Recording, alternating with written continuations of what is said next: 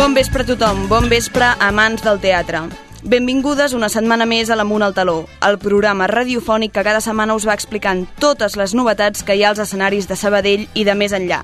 Com sempre, el programa és possible gràcies a la feina excel·lent de tot el nostre equip, format per Laura Lozano a la producció, Bernat Pareja, Marcel Castillejo, Júlia Stals, Elvira Frank, Edu Gil, Jaume Pont, Pol Juera, Francesc Rocamora, Eli i Xavi Quero, la veu del programa Francesc Asens, el nostre tècnic Toni González i també en Roger Benet i la veu d'avui Carlota Gorgori. El passat 14 de novembre es van celebrar els Premis Butaca a Premià de Mar, allà on van néixer. Uns premis que guardonen en base al reconeixement del públic i entenent la seva importància en el procés teatral es van celebrar sota el lema «Sense públic no hi ha teatre». Les grans triomfadores de la nit van ser el musical de gran format Cantando bajo la lluvia, amb 8 premis, i l'Uraneta, amb els 5 premis que podia obtenir de les seves nominacions. I avui, a l'estudi, ens visita l'apuntador, en Pol Juera, per ampliar-nos la informació sobre els premis. Amunt al taló.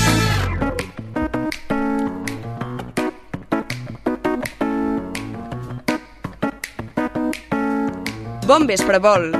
Bon vespre, Carlota. Ara, ara feia temps que no venia a fer un apuntador, eh? Ja tocava. Ja tocava, doncs res, torno amb força, torno amb força després de dues setmanes i us porto una miqueta el feedback, no?, d'allò que vam poder veure en aquests uh, Premis Butaca que es van celebrar, com has dit tu, la setmana passada al seu lloc d'origen, que és Premià de Mar. Recordar també, com has dit, uh, que és important destacar que uh, la gala Uh, tant el musical Cantando bajo la lluvia uh, format pel mític tàndem d'Àngel Llàcer i Manu Guix no? en aquest món musical com la nova aposta de Guillem uh, Clua titulada L'Uraneta van triomfar a la nit amb els premis de teatre per votació popular faig primer una miqueta un, una destacada de l'Uraneta, no? Uh, concretament, després de plegar èxits per mig món, torna a Barcelona i ho fa trepitjant amb força, perquè l'obra de Clua enguany ha estat galardonada amb més, uh, ni més ni menys, no?, de, de cinc uh, estatuetes. D'entre elles, el, la de millor muntatge teatral, en part, doncs, també perquè és una obra que aborda la violència i la repressió contra el col·lectiu LGTBI, un tema de total actualitat que moltes vegades cal recordar i cal veure, doncs, en posades escèniques que no no les freqüentem, no? Sobretot després de la última notícia també de Colorado, que torna a posar de manifest la importància d'un text com l'Uraneta. També un tema que apropa no, a, un, es, a un espectador més juvenil que poder amb altres estils teatrals no s'hi veuria tan identificat i de l'Uraneta també hi ha qui em poso sèrio, Carlota, perquè vull destacar que, evidentment, una actriu ballasenca com és Emma Vilarassau eh, va participar en una obra tan galardonada i ella, evidentment, també va ser eh, eh, també es van portar doncs, aquest mèrit rebent el premi de la millor actriu d'aquesta butaca, evidentment. El talent del Vallès sempre s'ha de remarcar. I Emma Vilarassau, un gran referent. Eh, sempre. Sempre.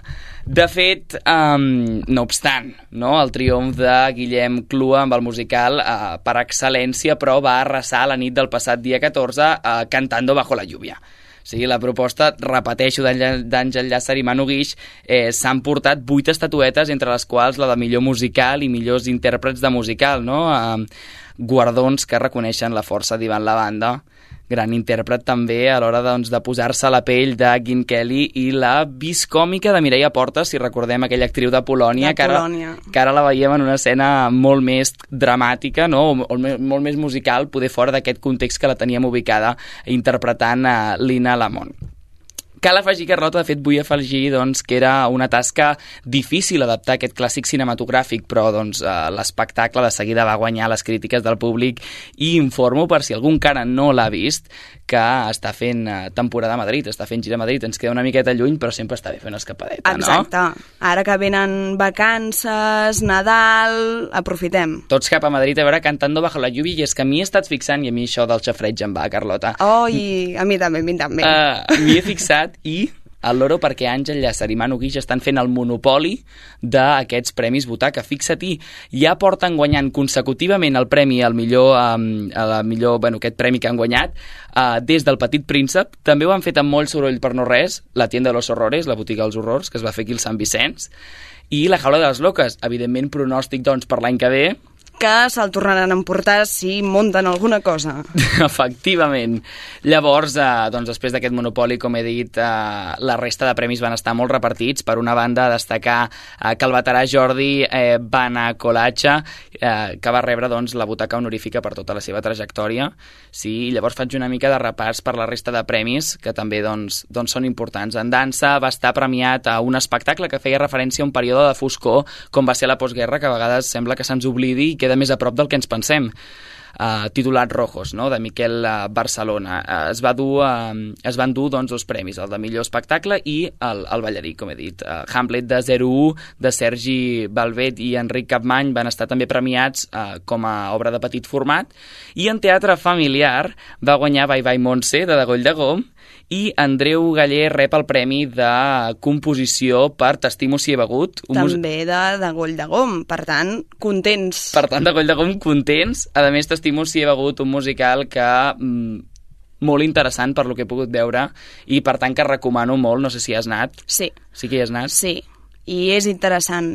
És una adaptació dels contes d'Empar Moliner, posats amb el seu humor, eh, posats dalt de l'escenari i amb música per la companyia de teatre, per tant, una bona proposta. Jo la veritat és que encara només he pogut veure el que és la campanya publicitària, però se m'ha enganxat aquell, aquell estribillo del, del fragment de, de la cançó publicitària. I per últim, doncs, que Sònia Gómez i Laia Duran van rebre els premis a la millor coreografia i a la millor ballarina. Això és tot del recull del que va passar una gala eh, dels Butaca molt esperada, val? on va esdevenir una completa festa de retro retrobament d'aquests noms que any rere any es repeteixen i que al cap i a la fi estem molt orgullosos de que es repeteixin perquè eh, obren el panorama teatral català al món. Una tasca que cada cop més és més necessària eh, pel simple fet de que Catalunya té molt poder escènic i cal que es dongui a veure. I tant. Contents de veure el reconeixement per part del públic de la feina de totes aquelles persones que tiren endavant el teatre del nostre país, com deies, amb tanta potència. Moltes gràcies, Pol. Ens veiem aviat. Fins aviat. Després d'això, arrenquem el programa 226, fent un repàs dels seus continguts.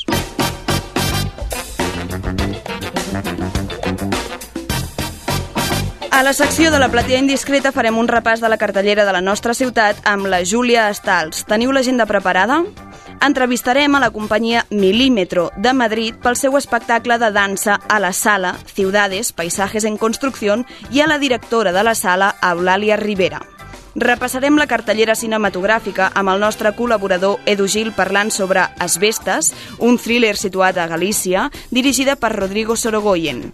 El cuarto pasajero, comèdia d'Àlex de la Iglesia, Armageddon Time, un drama novaiorquès al voltant de l'adolescència dirigit per James Gray i Amsterdam, dirigida per David Owen Russell ens infiltrarem també a la preparació del Festival de Nadal al Teatre Sant Vicenç per veure com el taller de teatre encara la recta final de la primera pujada a l'escenari dels i les alumnes dels diferents grups. I per acabar, Teatre de Franc, amb la nostra experta espectadora Elvira Franc, comentant dues propostes barcelonines. Tocar mare, una obra que ens parla de la família i de la relació que tenen una mare i una filla que es troben en una situació on repassaran moments de la seva vida. Una proposta de la Sala Beckett dirigida per Jordi Casanovas i protagonitzada per Georgina Latre i Lluïsa Castell.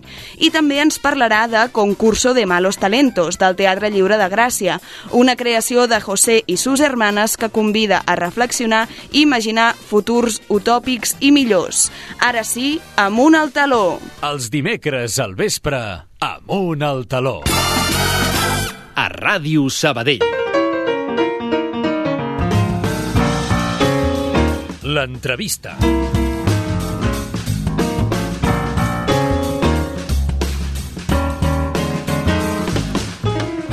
Ciudades, paisajes en construcción de la companyia Milímetro és la història d'una ciutat imaginària, una ciutat possible que acull a totes les ciutats del món. Una història per conèixer altres llocs on compartir somnis, per escoltar altres temps i ritmes, dos cossos viatjant per arquitectures de colors, un lloc sense anomenar perquè li posis el teu propi nom. Patricia Ruz i Alberto Romera són els intèrprets que explicaran aquesta història. Es representarà aquest cap de setmana, tant el dissabte 26 com el diumenge 27, amb doble sessió a les 12 del migdia i a les 5 de la tarda a la sala. Per conèixer una mica més aquesta proposta, tenim amb nosaltres a la seva directora i intèrpret, Patricia Ruz, i a Eulàlia Rivera, la directora de la sala. Molt bon vespre a totes dues i, primer de tot, moltíssimes gràcies per ser aquí amb nosaltres. Molt bon vespre. Eh, muchas gracias. Eulàlia, començaré per tu. Com a directora de la sala, què has vist en aquest espectacle Ciudades per tal de portar-lo aquí a Sabadell? Bé, em sembla que és un espectacle molt inspirador, no? És un espectacle mm, d'una senzillesa i d'una poètica que feia molt temps que parlava amb la Patrícia que volia que passés per la ciutat i que no havia pogut ser possible, no? I al final, doncs, amb el festival també ha sigut possible, no? I també per demostrar que hi ha moltes maneres d'inclusió, no? I una és, doncs, des de dalt de l'escenari, no? Sabeu que la sala, tant la sala com el petit, en aquest cas, no? Perquè això està marcat dintre el festival al petit, Uh, tenim les portes obertes a tothom i quan diem tothom vol dir tothom i per tant hem de ser inclusius, sempre hem treballat això des del públic, no?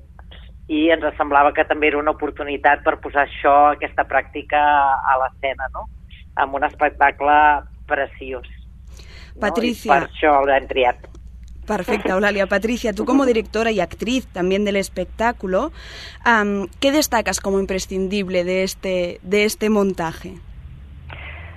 Pues yo creo que la sencillez y, y la poética que tiene la propia pieza y bueno, la diversidad que, que también eh, va, va, a estar presente para esta edad, eh, para la infancia, que me parecía algo bonito que estuviera y diversidad en todos los sentidos y bueno el elemento que es muy atractivo con el que trabajamos y hace que se puedan construir y destruir eh, formas y, y, poéticas diferentes. Decías, uh, las dos compartíais esta sencillez y poética del espectáculo, pero a veces uh, este, este elemento poético, aunque sea visual, uh, puede parecer un poco lejano para, para alguien tan pequeño, ¿no? Como va a ser el público. ¿Cómo habéis jugado para que esto llegue? Bueno, también siempre que tratar de ir a lo esencial es estar en ellos o el mundo abstracto también del movimiento y la belleza pues siempre es una conexión directa.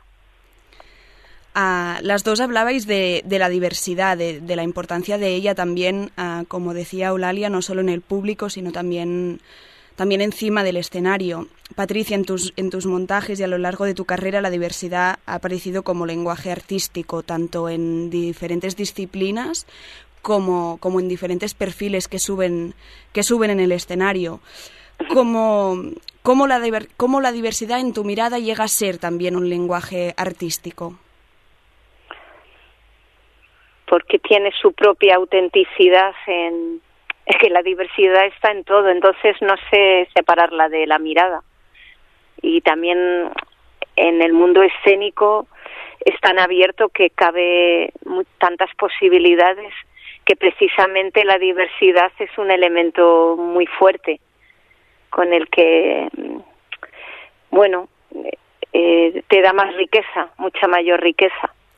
Y, y, las dos, ¿por qué creéis que si es tan potente cuesta tanto verlo ah, escenificado, ¿no? Al final es todo el mundo habla de la importancia de que seamos una, bueno, que es que somos una ciudad, hay una sociedad diversa y, y, y, y lo que vemos en nuestro día a día es diverso. ¿Cómo al final hay esa barrera? ¿Qué barrera hay?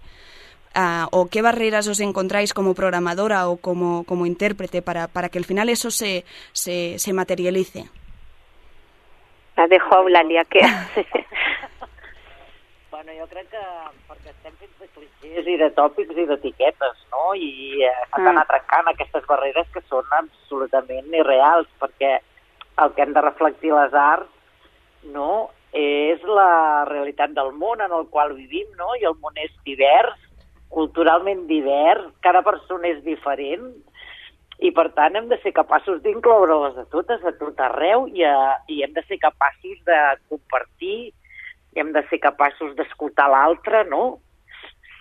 mm, perquè tots som diferents, no? No hi ha cap persona que sigui igual a una altra. No, no, i, i, i és això que dèiem, eh, que la diversitat al final està en els nostres dies di, dia a dia, el, el, no? Vull dir, vivim en una, Sí, sí. en una societat diversa, però potser encara queda una, una mirada elitista de l'art en algunes, no? en, en algunes coses, en aquesta perfecció de l'art, que sembla que després la diversitat hagi de quedar exclosa Però aquests, aquests són tabús que hem d'anar tallant, no? Exacte. Jo, i... jo us prometo que una de les coses meravelloses d'aquest espectacle és que aquesta diversitat que hi ha dalt l'escenari, tu te n'oblides, no la veus. Veus a dues persones executant, explicant-te una història i, i convidant-te a un viatge, no? que és somiar una ciutat plegat, o, o el lloc on volem viure, no? I per tant, bueno, jo de veritat, jo convido a tothom a veure-ho perquè es trencaran molts tabús. Patricia, la historia habla de una ciudad que puede ser como, ¿no? Como queramos, como, como podamos soñarla de la mejor manera posible. Um, esto también, yo creo que no, es un canto a la libertad y a, y a la inclusión. Lo, lo habéis trabajado así. Bueno, hemos trabajado no desde ahí, sino desde el concepto de sí de ciudad de diversidad, pero también de desde el propio hecho creativo y escénico, que también eh, es profesional y eso es lo que también pones en escena.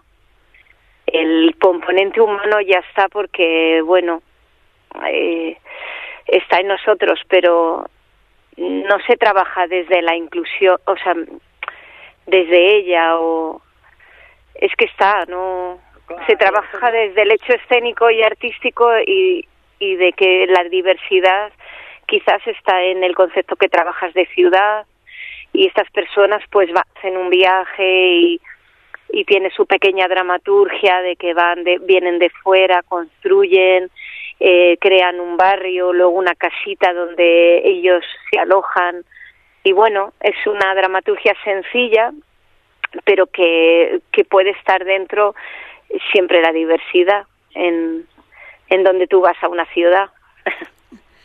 Creo que es muy importante lo que dices, ah, Patricia, de, de, de no hablar de, de la inclusión como tema principal, sino creo que es la, que es la barrera que, que falta por romper, ¿no? Que, Jo que esté, aquí que esté. Us Que... tallo, jo crec que Sí. us tallo perquè el que voldria posar de manifest és que aquest espectacle no està programat perquè sigui inclusiu.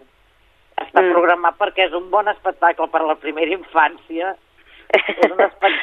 Sí, és que ho, ho vull posar de relleu, Sí, perquè crec que és important. Vull dir, hi ha una, pers una persona amb una... Bueno, mm, és, són dos actors que estan a escena, una, en aquest cas una actriu i un actor, no?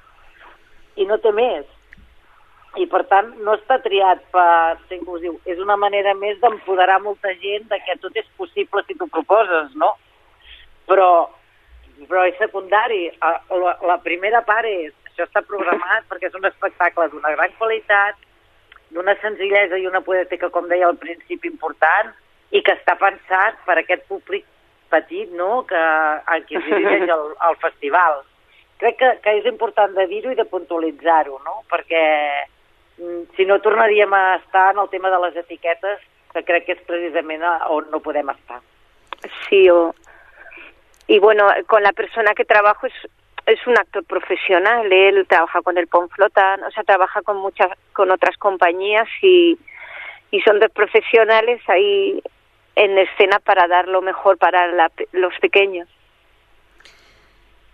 Es, como decíais, un espectáculo dirigido a, a- muy pequeños, a, a- niños y niñas muy pequeños de entre 2 i, i 4 anys, més o menys. Eulàlia, com, com es prepara una, una sala i unes sessions per un públic eh, tan petit? Bueno, home, fa 18 anys que us ho explico, això, eh?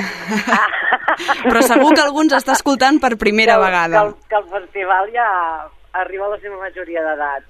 pues, tenint en compte el públic que ve, uh, tenir una atenció de públics, un vestíbul, una entrada a l'espai, no a l'espai escènic, sinó en el mateix teatre, no?, que, que propi, que sigui agradable, que tothom s'hi senti ben acollit i que hi hagi tot preparat perquè qualsevol necessitat que tingui aquest públic el puguem, el podem atendre, ¿no?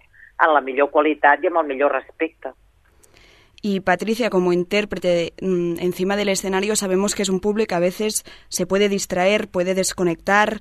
Um, como, como actriz, como intérprete, como directora del espectáculo, ¿qué tienes en cuenta en este, en este momento en el que, en el que sabemos que, que muchas cosas no las, no las vas a poder controlar en ese momento?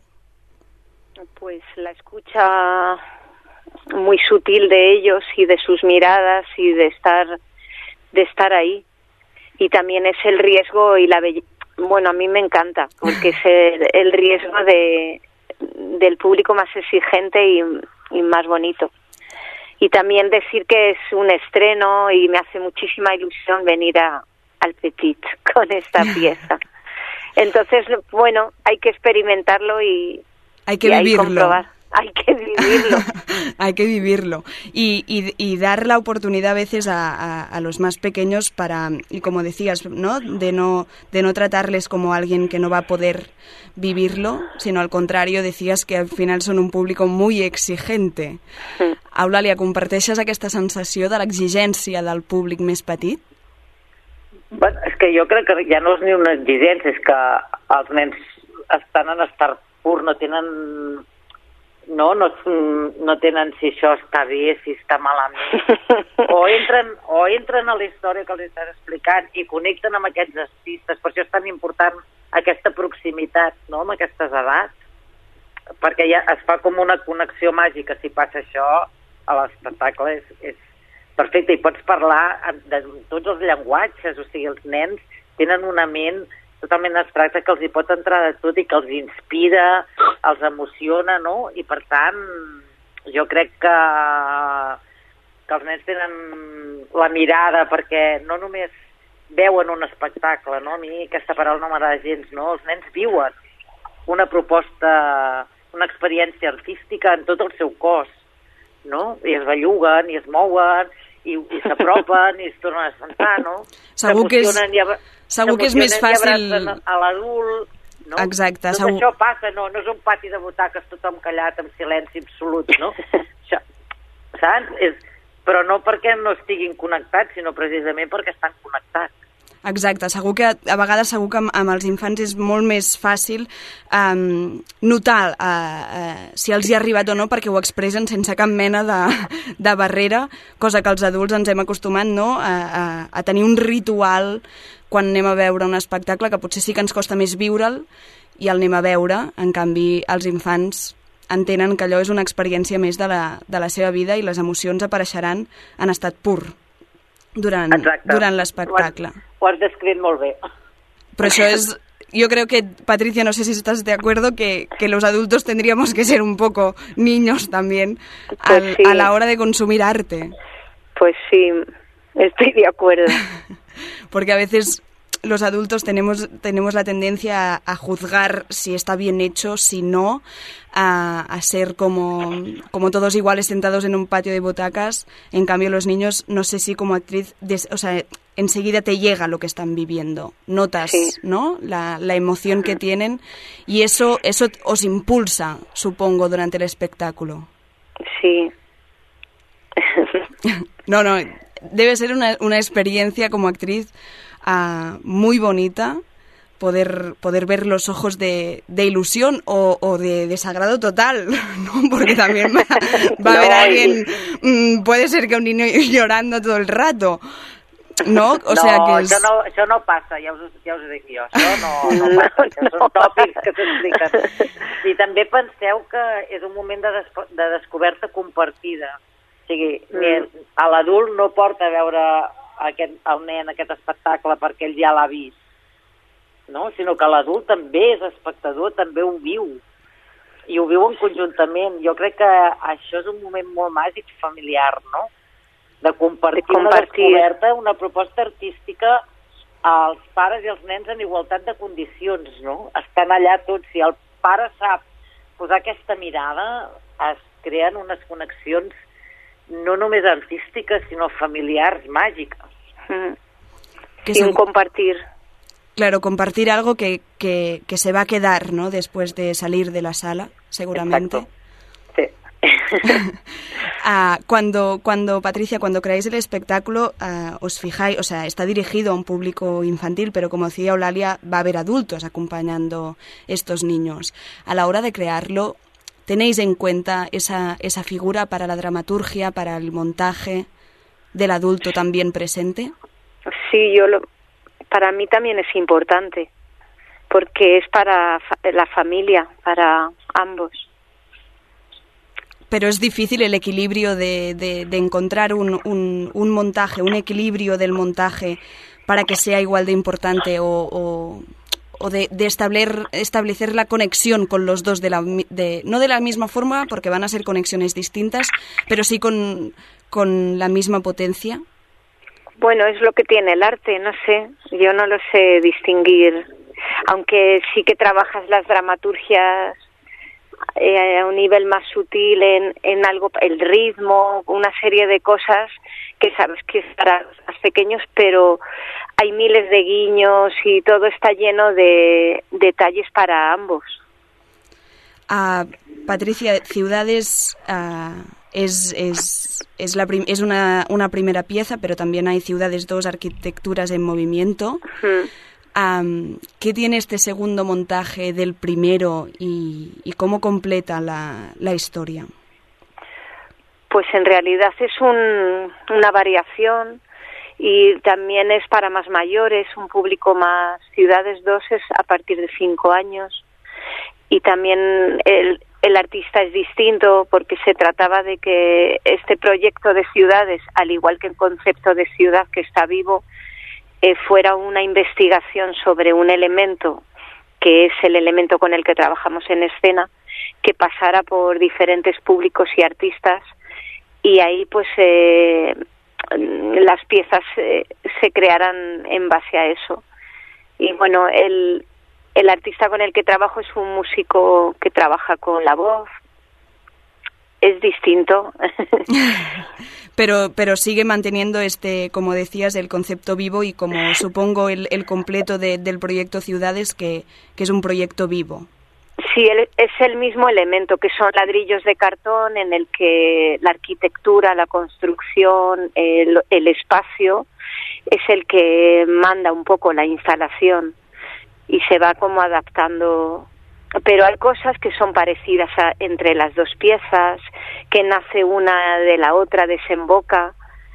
Eh, bueno, Entonces el que, ahí- el que haya visto uno va, va a notar la, Sí. la esencia en el otro. Sí, el Ciudades 2 es más contemplativo en el sentido de que la ciudad tiene mucha más presencia, aquí viaja en otro, bueno, son diferentes. Ah, Eulàlia, per què, per què les famílies de Sabadell han de, han de passar per la sala aquest cap de setmana? Perquè és al final del petit i per tant és l'última oportunitat que teniu i perquè de veritat que és un espectacle que jo crec que val molt la pena, que ens porta llocs molt imaginatius, que ens dona després una possibilitat d'endur-nos coses a casa i de seguir jugant i de seguir creant en família, no? I que de veritat és un espectacle per no perdre's. Jo espero que us agradi molt, que és el, amb el que tanquem el festival i, eh, i espero que la ciutat mm, el pugui disfrutar i viure'l. Yo no tengo ni dos ni cuatro años, pero, pero me lo apunto igual. porque porque creo que creo que es, es seguro que un espectáculo que no, que no te deja indiferente. Una, una vez lo has visto, creo que tengas la edad que tengas. Me da la sensación. No sé si es lo que buscáis o no, Patricia, pero seguro que, seguro que lo conseguís también por lo que dice Aulalia.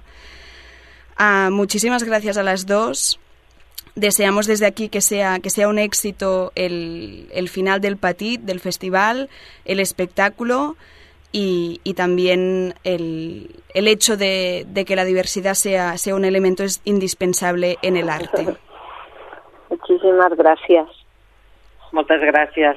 Que vaya veiem bien. dissabte o diumenge. Una Ah. Exacte. Fins aviat. Gracias. Adeu, merci. Adeu. Amunt al taló, a Ràdio Sabadell.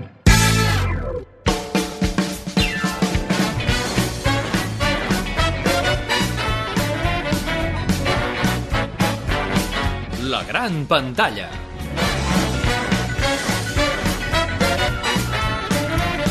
Ha arribat el moment del programa de parlar sobre cinema i això no es pot entendre sense el nostre col·laborador Edu Gil. Bon vespre.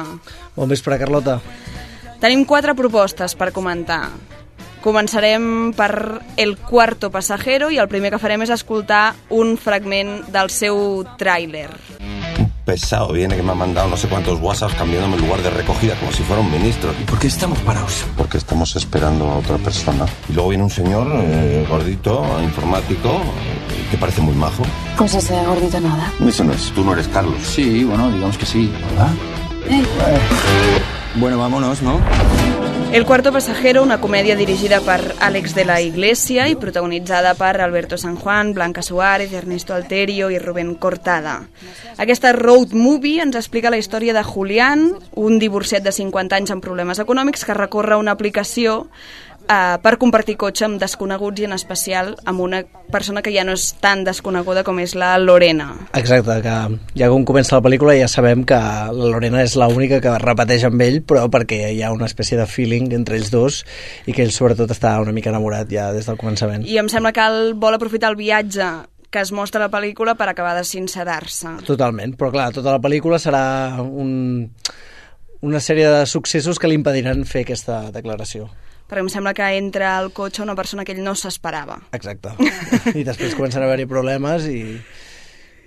Què, què ens en dius del Cuarto Pasajero? Aviam, jo amb el Cuarto Pasajero anava amb les expectatives una mica altes, és a dir, pensava que seria una bona comèdia, que, perquè la deixaven bé, i havia sentit comentaris molt positius, de que era molt divertida, i no sé què em va passar aquell dia, però no vaig acabar d'entrar, eh? És a dir, em vaig posar massa amb el personatge... T'esperaves riure més. Sí, totalment. I era un tipus d'humor que no està malament, però no, no, no vaig encaixar. És a dir, um, clar, és la típica pel·lícula que li, passa, li surt malament tot al protagonista. I si tu t'agrada això, doncs molt bé. A mi el problema és que a vegades, com que empatitzo massa, doncs no, no m'agrada. Que, No et que fa tot- gràcia. No em fa gràcia que tot surti malament i de la pitjor manera. I més per personatges molt, com molt estúpids i tal, però que fan gràcia, però no, no ho sé, no vaig acabar d'entrar, tampoc em va agradar el paper de la, de la Guàrdia Civil, ho vaig trobar com molt forçat tot. Uh, un dels intèrprets que, que més elogiats surten d'aquesta comèdia és Ernesto Alterio. perquè fa, fa d'ell. Ell- Fa d'ell. Fa d'ell, ell li encanta, li queda molt bé aquest Li paper. queda molt bé el paper. Totalment. Per tant, coincideixes també amb aquesta interpretació que és potser la més destacada Oh, de la pel·lícula. Uh, també es comentava que era un dels productes més comercials de l'Àlex de la Iglesia. Clar, ara ve de, de fer la sèrie 30 monedes, també venia després de fer una pel·lícula de terror a Itàlia, Venencio Frenia i tal, i ara s'ha intentat fer una mica com un Perfectos Desconocidos, tirant una mica per aquí, intentant repetir l'èxit amb cares conegudes i alguna més més quotidià, més que pots empatitzar. I una mica d'èxit està tenint, reconec, perquè últimament, eh, l'última setmana, eh, ha recaudat bastants diners i segueix, es segueix mantenint bastant bé. Bueno, també deies que segur que hi ha un, un tipus de públic que sí que li agrada aquest humor. Llavors, A, a, jo personalment no, però puc entendre que a altres sí. I si la gent li agrada aquest tipus d'humor, de que tot surt malament i de la pitjor manera i acaba un embolic rere altre, doncs endavant, segur que la disfruteu. Clar, és una, el- pel que deien era una bona pel·lícula per qui vulgui riure una estona sabent que aquest tipus de situació els hi fa gràcia, si no... Exacte, i acaba malament o... O, Sí. o bé. o bé, o bé, ja O bé, veurem, ja a veure, veurem. a veure. No, no, no, no, no entrem al terreny spoiler, no, no, ja veurem. Per tant, nota del cuarto pasajero, Personalment un 5. un 5. La provem, La però provem, però res no. més. Exacte. Perfecte. Doncs passarem a comentar Asbestes. Primer escoltem el tràiler. Estuve viajando por muchos sitios, haciendo el tonto. Una noche iba tan borracho que tuve que parar. Me tumbé y vi el cielo lleno de estrellas. Cuando me desperté, estaba aquí en este valle. Me pasé toda mi vida en és un thriller situat a Galícia, dirigit per Rodrigo Sorogoyen i coproduït entre Espanya i França. Ens parla d'Antoine i Olga, una parella francesa que es va instal·lar fa temps a una aldea de l'interior de Galícia. I allà porten una vida pel que sembla tranquil·la, encara que la convivència amb els locals em sembla que no és la que esperaven. Un conflicte amb els seus veïns, els germans Anta, farà que la tensió creixi l'aldea fins a arribar a un punt de no retorn. Pel tràiler, pel ritme del tràiler, ja es pot intuir aquesta tensió. Totalment. Um, comencem dient que és una de les... Bueno, per mi, de moment, la millor pel·lícula espanyola de l'any, sens dubte. Per tant, ja sabem la nota, quasi. Jo ja puc dir, potser ja depèn... No, no, molt bona. Um, sincerament, recomano a tothom, és a dir, posant en context una mica la trama, però recomano a tothom de veure-la, és a dir, és una gran pel·lícula, excel·lent, jo crec que a tothom agradarà, és a dir, també hi ha moments que ho passes malament, però és un producte que val molt la pena, Um, ara potser l'estic recomanant massa i la gent va amb expectatives Amb altes, expectatives però, altes, eh, però és que és la manera per, per, perquè vagin. Perquè tot i Exacte. així, encara que no superin les seves expectatives o, o quedin per sota, tot i així quedaran satisfets amb el producte, perquè és un producte impecable. I per què és impecable? Què és el que destacaries d'Asbestes? Segurament els actors, a part de que són francesos reals i tal, però sobretot la direcció. La direcció i el guió és d'aquells que val la pena. Vull dir, a mi- i et deixa molt malament, eh? És a dir, jo vaig acabar una mica tocat. Tocat. Però es demostra el talent de Sorogoyen, que ja ho va demostrar amb grans pel·lícules. Per mi, encara la meva preferida segueix sent Que Dios nos perdone, però aquesta està bastant a prop. I, clar, i evidentment també la Antiesturbios també estava molt bé, però aquesta realment... És a dir, són dues hores 20, que potser hi ha estones lentes i tal, però té bon ritme, la veritat. Les crítiques parlen del que deies de la capacitat de Sorogoyen per crear un ambient de suspens, intriga i molta tensió que atrapa a l'espectador. És a dir, que no, que no pots desfer-te d'això. No, no, no, és que coincideixo 100%, perquè un cop entres, un cop estàs allà, no, no, és impossible desconnectar. Sortir. Sí, sí. I, i també parlar segurament de, de, d'una història de Galícia que segurament ens queda, ens queda lluny. Però també podem en, entendre, podem, és a dir, sentir-la a prop, saps? És a dir, podem empatitzar una mica amb els personatges, amb la situació, perquè és una mica això, és la búsqueda aquesta de, de, del camp, de, del el somni de, de, de triomfar la tranquil·litat, saps? Que busquen una mica molta gent, sobretot també els francesos, i, i jo trobo... empatitzo en algunes parts. Perfecte. Uh, per tant, bona nota, ja ho hem dit des del principi. És que no sé si posar un 8 o un 9, eh? Dubto, ja depèn. Sigue generós, sigue generós. Va, posa un 9. Un 9, perfecte. Doncs uh, passem a Armageddon Time. Primer escoltarem un fragment del tràiler. Estados Unidos defiende una idea cuyo momento es ahora. Vaya idiota. Creo que quiero ser pintor de mayor. Serás pintor si lo quieres ser. Nada te podrá parar. Vas a ir a la universidad. Podrá sentarse a la mesa con Reyes si juega bien sus cartas. Me gustan mucho tus pegatinas. Regalo de mi hermanastro. Está en las fuerzas aéreas. ¡Hala! ¡Qué pasada! ¡Sos una desgracia! ¡Una desgracia los dos! No volveràs a... Armageddon Time ens parla de Paul Graf, que porta, un noi que porta una infància tranquil·la en els suburbis de Nova York, que juntament amb Johnny, un company de classe exclòs pel seu color de pell, es dediquen a fer entremaliadures típiques de, de l'edat. Uh, Paul creu comptar amb la protecció de la seva mare i del seu avi, però després d'un incident és enviat a una escola privada. L'elitisme i el racisme sense complexes amb el que es troba canviaran dràsticament el seu món. Què ens en pots dir? Doncs mira, aquesta és una pel·lícula que podíem introduir en el SAC, que últimament està passant que directors consagrats um, agafen, bueno, fan pel·lícules i parlen una mica de la, de la seva biografia de quan eren petits, sense, sense posar els seus noms i tal, però ja, doncs, ja, ja, ja t'expliquen que la seva vida era així. Ja ho va fer Kenneth Branagh amb Belfast, Paul Thomas Anderson amb Licorice Pizza, i l'any que ve al febrer s'estrenarà uh, una de l'Spielberg, que també s'inspira molt amb la seva vida.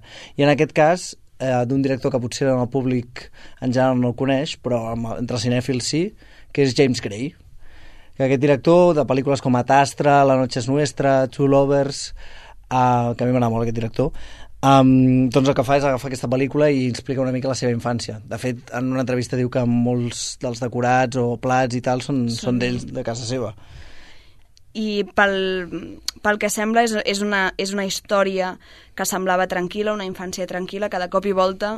Fa un gir. Tot es torça. Totalment. Uh, I això es troba amb un racisme a davant, amb un elitisme d'una escola privada, uh, sobretot americana, també, suposo que això, això es nota en, en l'educació, en, en el que dèiem, en el racisme, i és una pel·lícula que, que molts espectadors coincideixen que colpeja i que fins i tot incomoda en Totalment. algun moment. Sí. A més està bé perquè reflecta l'època, bueno, com hem sentit bé del tràiler, aquest canvi a Ronald Reagan en aquesta època, en aquests Estats Units una mica estranys, que encara hi ha racisme, hi ha, hi ha, hi ha problemes socials i jo crec que tot reflexa bastant bé. El problema és que a nivell dramàtic potser al gran públic no li acaba d'agradar perquè no hi ha mm, moltes escenes memorables, és més és més com tranquil·la, més mostrant, empatitzant i mostrant la biografia d'un nen i, i potser molta gent diu, bueno, això no em cal. Però tot i així té escenes potents, sobretot quan surt l'Anthony Hopkins, però és això, amb les pel·lícules que passen de, com he explicat, de, de que s'inspiren els directors amb ells mateixos, molta gent no acaba de connectar perquè... Mm, bueno, penses que perquè és interessant que jo conegui la aquesta, teva història. Totalment. No? Vull dir que Desconnecten una mica. I ho entenc, eh, també, però bueno, a mi a vegades em fa gràcia. Belfast m'agrada molt, Licorice Pizza també, i aquesta trobo que també està força interessant i els actors estan molt bé i, i, i pel, que, pel que hem llegit, eh, clar, al final el, el tema que semblava la infància d'un nen, eh, hi ha com una, un sotatext o una lectura que potser algú que hi ha connectat sí que pot arribar a fer, que és, que és aquesta pèrdua d'ingenuïtat de cop i volta, de perdre la innocència de ser un nen eh, a poder fer entremaliadures amb qui vulguis, no? i de cop i volta trobar-te en un món on tot això s'ha acabat, que per molt que sigui la història d'ell, segurament passa moltes vegades de trobar-se en situacions que de cop i volta deixes de ser un nen per Exacte. obligació. És el canvi aquest. És, es, pot de, es pot devenir d'algú familiar, es pot venir d'algú social i és el que ens passa a tots i aquí ho mostra perfectament. Molt bé, quina nota li posem, doncs, a jo, James Gray? Jo crec que un 7, eh? Un 7? Sí. Bueno, notable, no està malament. No està mal. No està malament, no està malament.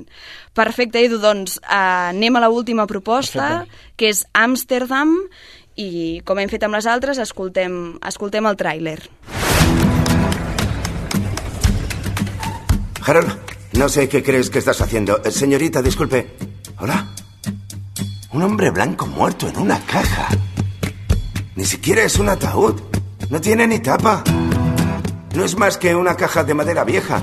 ¿Quién crees que va a meterse en un lío? Ens situem als anys 30, on tres amics tenen un pacte per protegir-se sempre, costi el que costi. Tot i això, els dos soldats i la infermera es veuen involucrats en un cas d'assassinat del que són els tres principals sospitosos. Aquest fet, però, no posarà en perill la seva amistat i tots junts intentaran demostrar que ells no en són els culpables. Però mentre estan immersos en aquesta missió de no d'evitar la presó, acabaran descobrint uns dels majors secrets de la història dels Estats Units. Edu, què, què t'ha semblat Amsterdam? És a dir, per començar, gran repartiment, és a dir, el repartiment ja només veure'l ja espanta, és a dir, moltes cares conegudes i molt bons actors, però el problema jo crec que és aquest, que a l'haver-hi tants i sobretot a la, pel·li, a la, durant la pel·lícula es nota que van apareixent um, a vegades i, i penses que no trobes el per què acaben apareixent saps? Estan com posats com gratuïtament, que no porten res a la història, al final la història, que, que està molt bé realment, si, si no s'hagués anat per, per coses uh, secundàries que no porten a res, um, hagués estat molt bon producte. Jo crec que el problema que té és això, que ambiciona massa i... I no acaba de tocar res. No, exacte. I a l'humor, jo personalment no vaig acabar d'entrar-hi. Uh, té un tipus d'humor bastant especial, d'aquests que que t'ha d'entrar, com, com abans amb el Cuarto Pasajero, Exacte. però aquest més especial, eh? A vegades passa això, que, que l'humor sí que, sí que bueno, el veiem com diferenciat i, i, i cadascú se sent com molt identificat en un tipus d'humor. El drama, com a vegades és més fàcil que si toca el cor, no, directament és com molt, molt ràpid entrar-hi, però l'humor, clar, depèn de quin humor tinguis tu, hi ha coses que no arriben, i, i és una opinió compartida amb diferents espectadors de la pel·lícula que deien que el director no acaba de trobar l'equilibri entre el drama i la comèdia, que els moments que haurien de ser dramàtics acaben sent avorrits i que els moments còmics no acaben fent gràcia. Exacte. Sí, sí, sí, sí, és una, una mica sí. sí. De fet, ara comentaria alguna anècdota d'alguna escena, però prefereixo que ho fem un altre dia per si algú no l'ha vist encara. No, no, fer, no fer spoilers. Diuen que tampoc els, els aspectes tècnics tampoc acaben de... A veure, està ben ambientada, um, però clar, suposo que rodada amb Covid i tal i és difícil. I està ben ambientada, té bona fotografia, però és això, jo crec que el, um, li falta més escenografia de, de l'època i per això et deia que l'estat ambientat en Covid potser ho tenia més difícil. Més complicat. Però I, bueno, bueno és, un gran, és un gran exemple doncs, de que no només amb uns grans actors arribaràs a, a aconseguir un gran èxit de pel·lícula, perquè aquí es posa de manifest, tens grans actors, sobretot també els tres protagonistes, grans noms de, del cinema internacional i no acaba provocant massa cosa. Exacte, i això acaba sent una decepció és a dir, la pel·lícula acaba de encara ser... Més, perquè, no? Encara més, perquè acabes amb les Dius, expectatives. home, home, si fossin uns altres actors, doncs encara. Dius, bueno, mira, pobres, encara se'n surten. No, però no? potser, a lo millor, a muntatge haguessin dit, bueno, això ho tallem, perquè clar. no passa res, però clar, al ser Robert De Niro, al ser... Tal, no el tallaràs. Jo crec, eh, potser. Nota, aprovada, no Dubto, arriba... Jo crec que un 4 i mig li poso. 4 i mig, just, just. Sí, sí, sí, just. sobretot pels actors... No... I, i mira que la, la, la trama és, és bona, una... és bona però no... no la producció no, no acaba de ser la no que està ben la executada, executada. Molt bé, doncs moltíssimes gràcies, Edu, ens apuntem les quatre perquè jo crec que val la pena també veure, veure coses que potser a una altra persona li agrada, li, li encanta Amsterdam, per tant ens apuntem les quatre i esperem trobar-nos aviat una altra vegada per comentar més estrenes. Moltes gràcies, Carlota. Que vagi molt bé. Amunt al taló, al teatre de la ciutat, a la ràdio.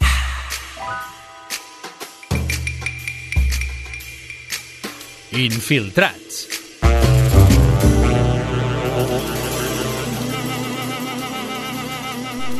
Bon vespre, avui ens trobem al Teatre Sant Vicenç, que avui ens anem a infiltrar als assajos per aquest festival infantil que es farà durant les properes setmanes al cap de setmana. Estem nerviosos i nervioses perquè descobrirem moltes exclusives d'aquests monitors i monitores i també dels alumnes del taller de teatre. També et diré, Júlia, molt infiltrats, molt infiltrats. No anem perquè no anem ni de negre ni amb turbant, no anem... Mira, d'entrada Júlia va amb un jersei fluorescent i jo vaig amb un xaleco més... Mon... Monos anem, ara, infiltrats, infiltrats... Poder passem desapercebuts entre els nanos. Però bueno, jo tinc ganes de saber exclusives perquè m'han parlat molt bé d'aquest festival. Per tant, què et sembla si ens anem cap a dins del teatre i ens hi fotem? Cap dins. Ara estem passejant per aquí a Utillatge del Teatre Sant Vicenç i se'ns ha acudit, se'ns ha acudit, Júlia, no? Que, que, que volem parlar. O sigui, sempre està molt bé que ens infiltrem entre els nanos i entre els monitors que ho viuen, però realment anem a ser una miqueta crítics, anem a infiltrar-nos ben bé en les opinions d'aquest festival i anem a parlar amb, amb algun monitor que ho visqui una miqueta des de fora, que no hi estigui implicat, no? Jo tinc curiositat per saber què pensen. És a dir, monitors que no fan de monitors en aquest festival, no? Podrien ser els monitors de premonis. Per exemple, arrenquem aquest joc de pistes o què?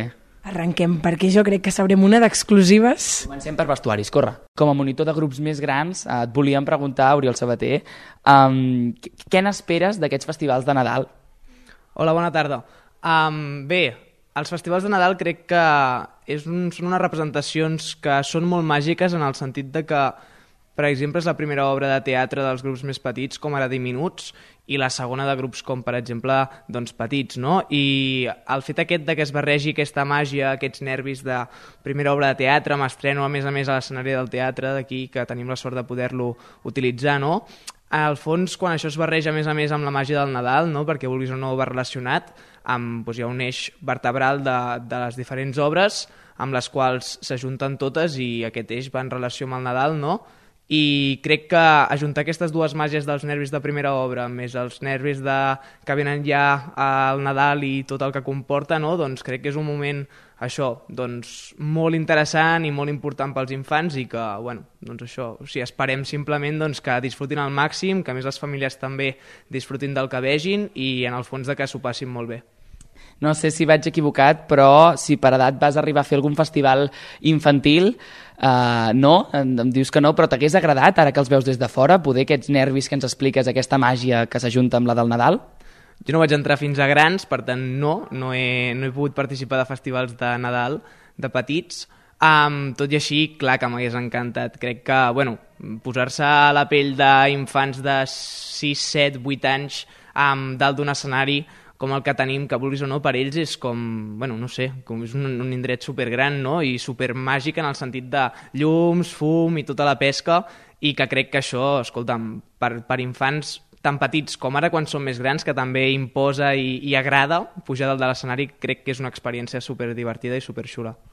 Al començament dels assajos hi havia un ambient i ara n'hi ha un altre. Hi ha diferència en, en els assajos del principi i del final? Els nens ara saben ja tot del paper o no?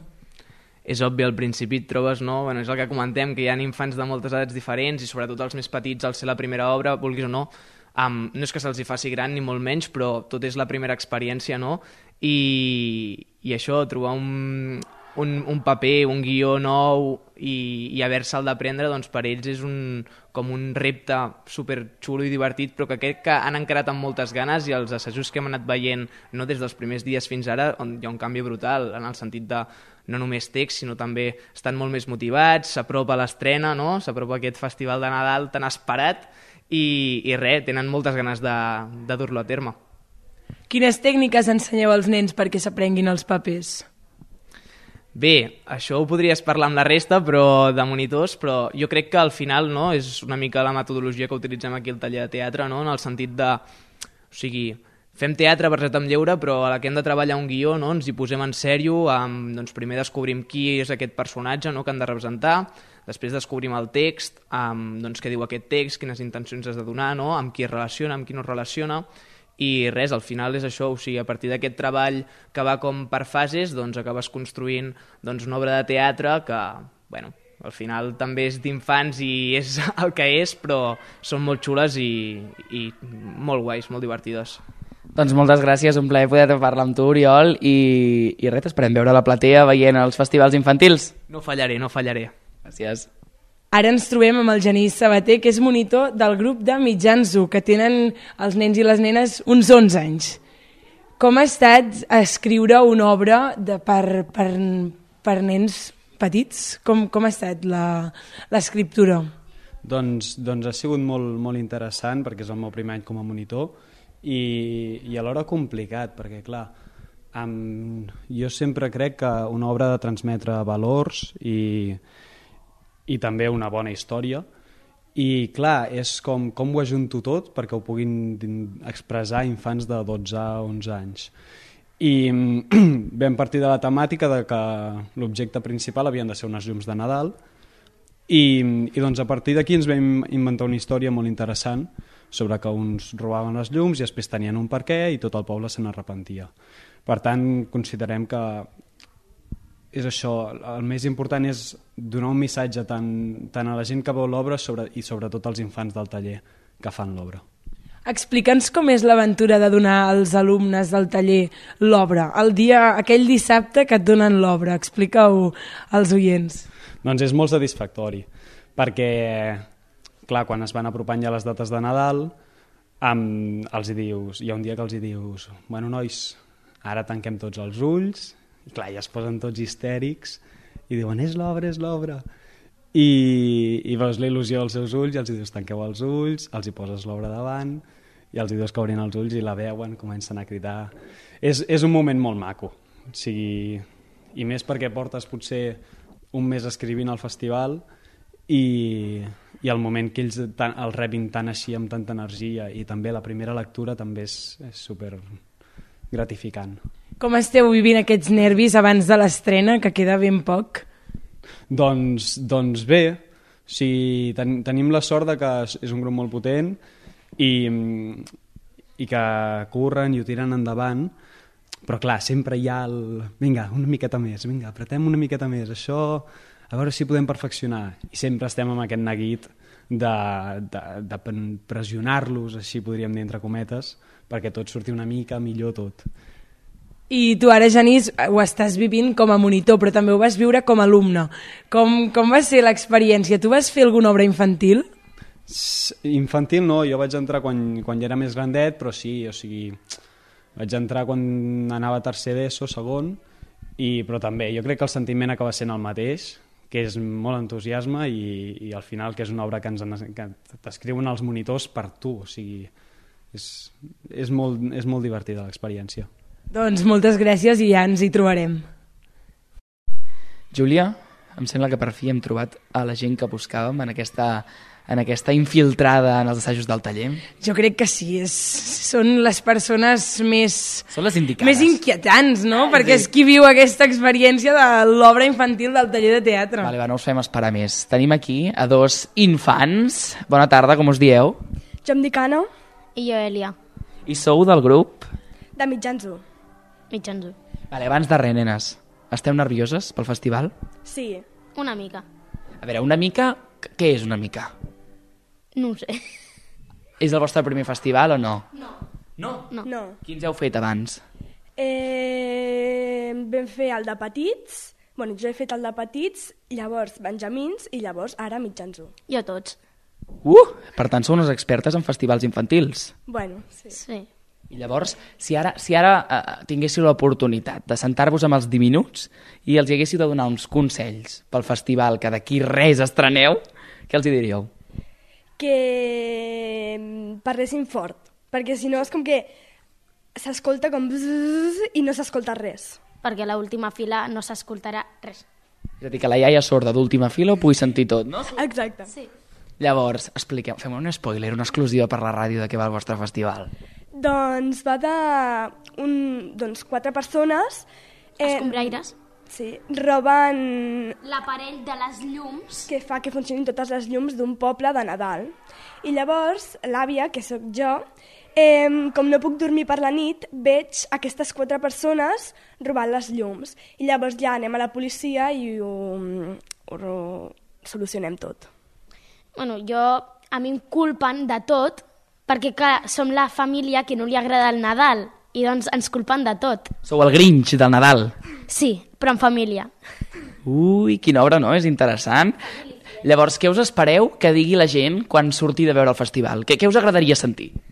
Doncs que ha sigut interessant la nostra, bueno, la nostra idea de tots, però la nostra, i que, mm, doncs que ho han entès, perquè si no i jo faré un spoiler, vale? però que en, una, en la cançó final farem una cançó que, bueno, o sigui, que surt tot, saps? I, bueno, per lo que jo vaig entendre, eh? La cançó és No sé què de les llums, i clar, nosaltres doncs hem robat les llums.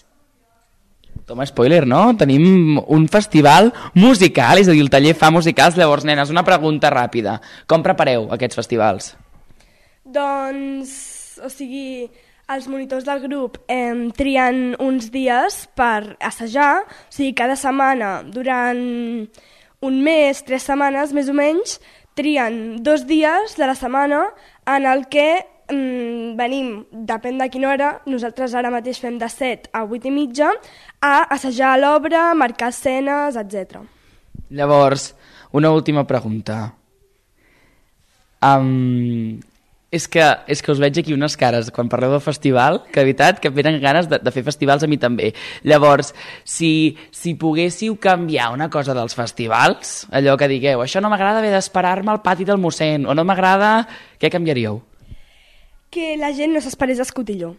Perquè a Escotilló, o sigui, quasi no pots parlar perquè s'escolta tots, tot per les escales i per l'obertura de l'escenari, llavors no pots parlar, o sigui, t'has d'estar quiet i també el pati del mossèn, si està fatal, o sigui, és minúscul. A més ara fa fred, eh? Brigueu-vos. Sí. I a sobre, hi vam estar durant dos anys, és minúscul, no pots fer res, vamos. Pobre mossèn, a sobre que us deixa el pati. Bueno, noies, m'ha encantat molt de conèixer ens ha encantat molt, Júlia. Ens ha encantat, unes noies molt espavilades. Molt nervioses també, una mica. I ho patareu moltíssim. Molta sort, molta merda, que diuen així els artistes, que ja sou professionals total amb aquests consells que doneu. I res, que si us, jo us dono un consell a vosaltres. Si us trobeu un, un petit diminut nerviós, ajudeu-lo. Ajudeu-lo, perquè a vosaltres us hagués agradat o no? Sí, sí. Doncs això, molta merda i que vagi superbé aquest festival. Merci. Després d'una jornada dura d'investigació, Sherlock Holmes, eh? tanquem aquesta porta al teatre, sortim amb exclusives, amb novetats, amb entrevistes interessants no? d'aquest pròxim festival que trobarem eh, aquest Nadal eh, que ens oferirà el taller de Teatre Sant Vicenç, un taller que recordem que el que intenta és formar els nanos perquè puguin tenir eh, unes habilitats escèniques a l'hora de pujar a l'escenari. Per tant, una tasca molt necessària que des d'aquí, no, Júlia, reivindiquem i demanem que a, a Sabadell segueixin haver-hi aquests tallers perquè, anem a ser sincers, tant tu com jo, i hem format part de, de tallers de, de teatre infantil i ens és un recurs molt útil a, a la vida diària i, i, i bueno, si ens haguessin, si se'ns haguessin infiltrat a nosaltres, no sé què haguessin tret. Jo hagués dit que s'infiltressin de color negre, que de cara als propers infiltrats potser ens vestirem d'un altre color, perquè avui anem massa extravagants. Ens posem un gorro i un passamuntanyes a la pròxima, poder quedarem raros. No, no, jo no m'ho penso dos cops, eh? No. La propera vegada anem tots de negre. No, no, la propera vegada que ens infiltrem, a més en una obra, allò... Aquí els festivals està molt bé, però si anem a una obra, allò que ens hàgim d'infiltrar a la faràndula o una obra de temporada, ens infiltrem bé. De negre, i si trobéssim una manta allò transparent, no, no existe. doncs res, això, que ens ha agradat molt poder estar al taller, eh, parlar amb aquests nanos que tenen una màgia i una passió quan ens expliquen les coses i també els monitors que tenen molta informació a donar i molt a, a dir i que això, que esperem que, que tothom vagi a veure aquests festivals perquè no només és per pares, sinó que són obres molt enriquidores de veure i pinten molt bé amb, amb aquestes temàtiques de Nadal. Per tant, amb això tanquem, no? Amb això tanquem. Amunt al taló, a Ràdio Sabadell.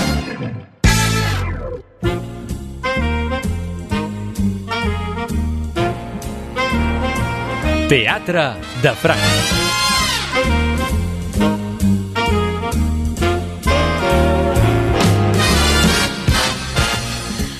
Encarem l'última part del programa amb Teatre de Franc i per tant ens toca saludar a l'espectadora per excel·lència del nostre programa. Bon vespre, Elvira. Hola, bon vespre, Carlota, i bon vespre, oients. Avui ens parlarà sobre dos muntatges barcelonins, Tucamara, a la Sala Beckett, uh -huh. i Concurso de Malos Talentos al Teatre Lliure de Gràcia. Exacte. Per quin comencem? Comencem pel concurso, va. Doncs som-hi. Concurso de Malos Talentos per la companyia José i sus hermanas, al Teatre Lliure de Gràcia. Mm? Aquesta innovadora companyia presenta una altra proposta multidisciplinària. Podríem dir en forma de performance que d'alguna manera mm, es va recordar, penso jo, em va recordar molt el muntatge que vaig veure d'ells, Explorer el Jardín de los Cárpatos. Quatre actrius i un actor fan reflexionar de manera molt atrevida en futurs alternatius, denunciant el nostre present i també el futur que ens espera. Un futur ple d'incerteses que els actors mostren de diverses formes teatrals. Primer, amb unes intervencions davant del taló on les paraules es barregen amb sons que efectuen ells mateixos, com esbufecs, sospirs, xiulets. Després, dins d'uns cossos culturistes que suen de valent, dintre aquells cossos de silicona, que ballen i canten. Més tard fan una desfilada marxant al ritme, als ritmes així militars, eh, que cada un porta mm, quantitat de panons, van, van sortint d'un en un, eh? uns panons blancs amb frases sobre les actuals inquietuds socials. I a continuació es desplega un gran paraigües blanc que pràcticament ocupa tot l'escenari, que eh, queden tapats tots els actors, diguéssim, per acabar amb números musicals molt trencadors i amb el canvi de rètol que al començament posa centre de baix rendiment i el corregeixen posant-hi centre de pur rendiment. Com diuen ells, volen fer teatre del bo. Però aconsellen de cara al futur fer el mínim esforç, ja que, segons diuen les actrius i, i l'actor, davant de la precarietat laboral i exigència de la societat que marca com s'ha de viure, que ens marca a tots, que hem d'estudiar, que hem de trobar feina... El ni que ritme sigui... frenètic, sí, oi? Que ens marquen ritme... que sembla que si no arribes no ah, estàs dins la societat. Això mateix, eh, trobar feina ni que sigui mal pagada, tenir una parella que sembla que tothom ha de tenir parella... De la manera que sigui. Sí, comprar un habitatge, que també s'ha de comprar, ser pares i envellir, envellir sense molestar, sobretot. Eh? Ah, llavors ells han pensat que no queda cap més remei que com a alternativa seria quedar-se a casa sense fer res i deixar passar la vida Potser d'aquesta manera trobaríem una altra... Solució, una altra alternativa, feliços, no? Sí, una alternativa més feliços. Aquesta és la solució que troben ells davant d'aquesta vida que portem. Eh? Una representació força impactant a la línia que estem acostumats a veure d'aquesta companyia, que van criticant i exposant temes sempre amb un to humorístic i sarcàstic, a moments delirants i exagerats, que en algunes vegades es fa difícil connectar-hi, eh, també. I a parer meu, aquesta vegada amb escenes potser una mica massa llargues, perquè la idea ja, ja s'entén. Ja s'entén. I llavors I poder les allarguen una mica Mm. massa. Però bé, això també es depèn dels espectadors, eh? Sí. Però s'ha de ressaltar, per sobre de tot, la manera de presentar les seves funcions, que sempre sorprenen amb idees atrevides i agosarades. Si us interessa, estarà fins al 4 de desembre. Interessant també per fer-nos pensar sobre el futur I tant. i, i una alternativa que poques vegades s'havia posat sobre la taula, Mai. aquest no fer res. No fer res. Potser ens interessa. I tant, o, algunes vegades... eh, Algunes vegades sí. ah, sí, Algunes vegades ah, no sí. tenim aquesta necessitat, eh, de buscar el sofà i, i no moure'ns. Exacte. Sí. I marxem del Teatre Lliure per anar a la Sala Beckett. Exacte, a tu mare, de Marta Barceló. Jordi Casanovas ha dirigit el Lluïsa Castell i a la Georgina Latre presentant una proposta que parla de l'amor incondicional. L'amor per sobre de totes les coses. L'amor de mare. Eh? Gran interpretació del Lluïsa Castell, que representa una mare que després de passar una vida senzilla, sense queixar-se, ara s'ha prejubilat i que el seu sou cobra molt poquet, no gaire. Eh? Ella és previsora, li agrada cuinar i és curosa amb els més insignificants detalls. Però ara, quan comença la funció, està ingressada en un hospital en estat de coma. La filla, molt ben representada per Georgina Latre, és una noia de 32 anys, reservada en les seves coses més personals, és directora d'una productora d'audiovisuals i quan va veure la seva mare a l'hospital el metge li aconsella que li parli, encara que li sembla que no l'escolta, però que mm, si li parla li farà molt bé a la seva mare. Qui no té anècdotes, records, bons i altres de no tan bons per explicar. Qui no es faria un tip de riure en pensar algun fet divertit i curiós o qui no li cauen les llàgrimes quan recorda moments dolorosos. Però, en el cas d'aquesta mare i aquesta filla, els records són molt, molt especials i la seva situació de mare i filla és molt i molt i molt especial. No puc dir res més perquè és la gràcia de la funció. Eh? Una història pot, que pot semblar normal, però que de normal no en té res, que sorprèn, que impacta i que relata l'impensable. Els pares i els fills no es poden triar. Eh? Et toquen els que et toquen. I potser elles Deixem-ho aquí. Una escenografia senzilla, amb pocs aplics que serveixen per diferent mobiliari i unes cortines a tires metàl·liques que rodegen l'espai escènic, que donen un joc i un aspecte nou i original. Fa poc que vaig veure una altra obra de la Marta Barceló, La zona inundable, que en vam parlar en el programa, que també ens van agradar molt, que escriu obres que transpuen sinceritat, honradesa i molta emoció. I a més a més, en aquest cas, i també en la zona inundable, les interpretacions són dignes de prèmits, de premis reconeguts. Nota curiosa.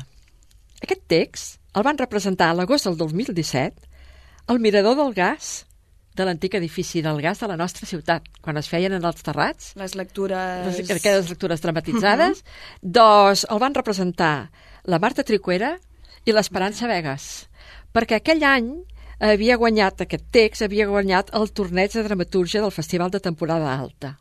I ho van llegir Que bé, elles. doncs, que arribi a un escenari I un tant. text que també ha sigut premiat antigament i que s'ha hagut d'esperar uns anys sí. a poder...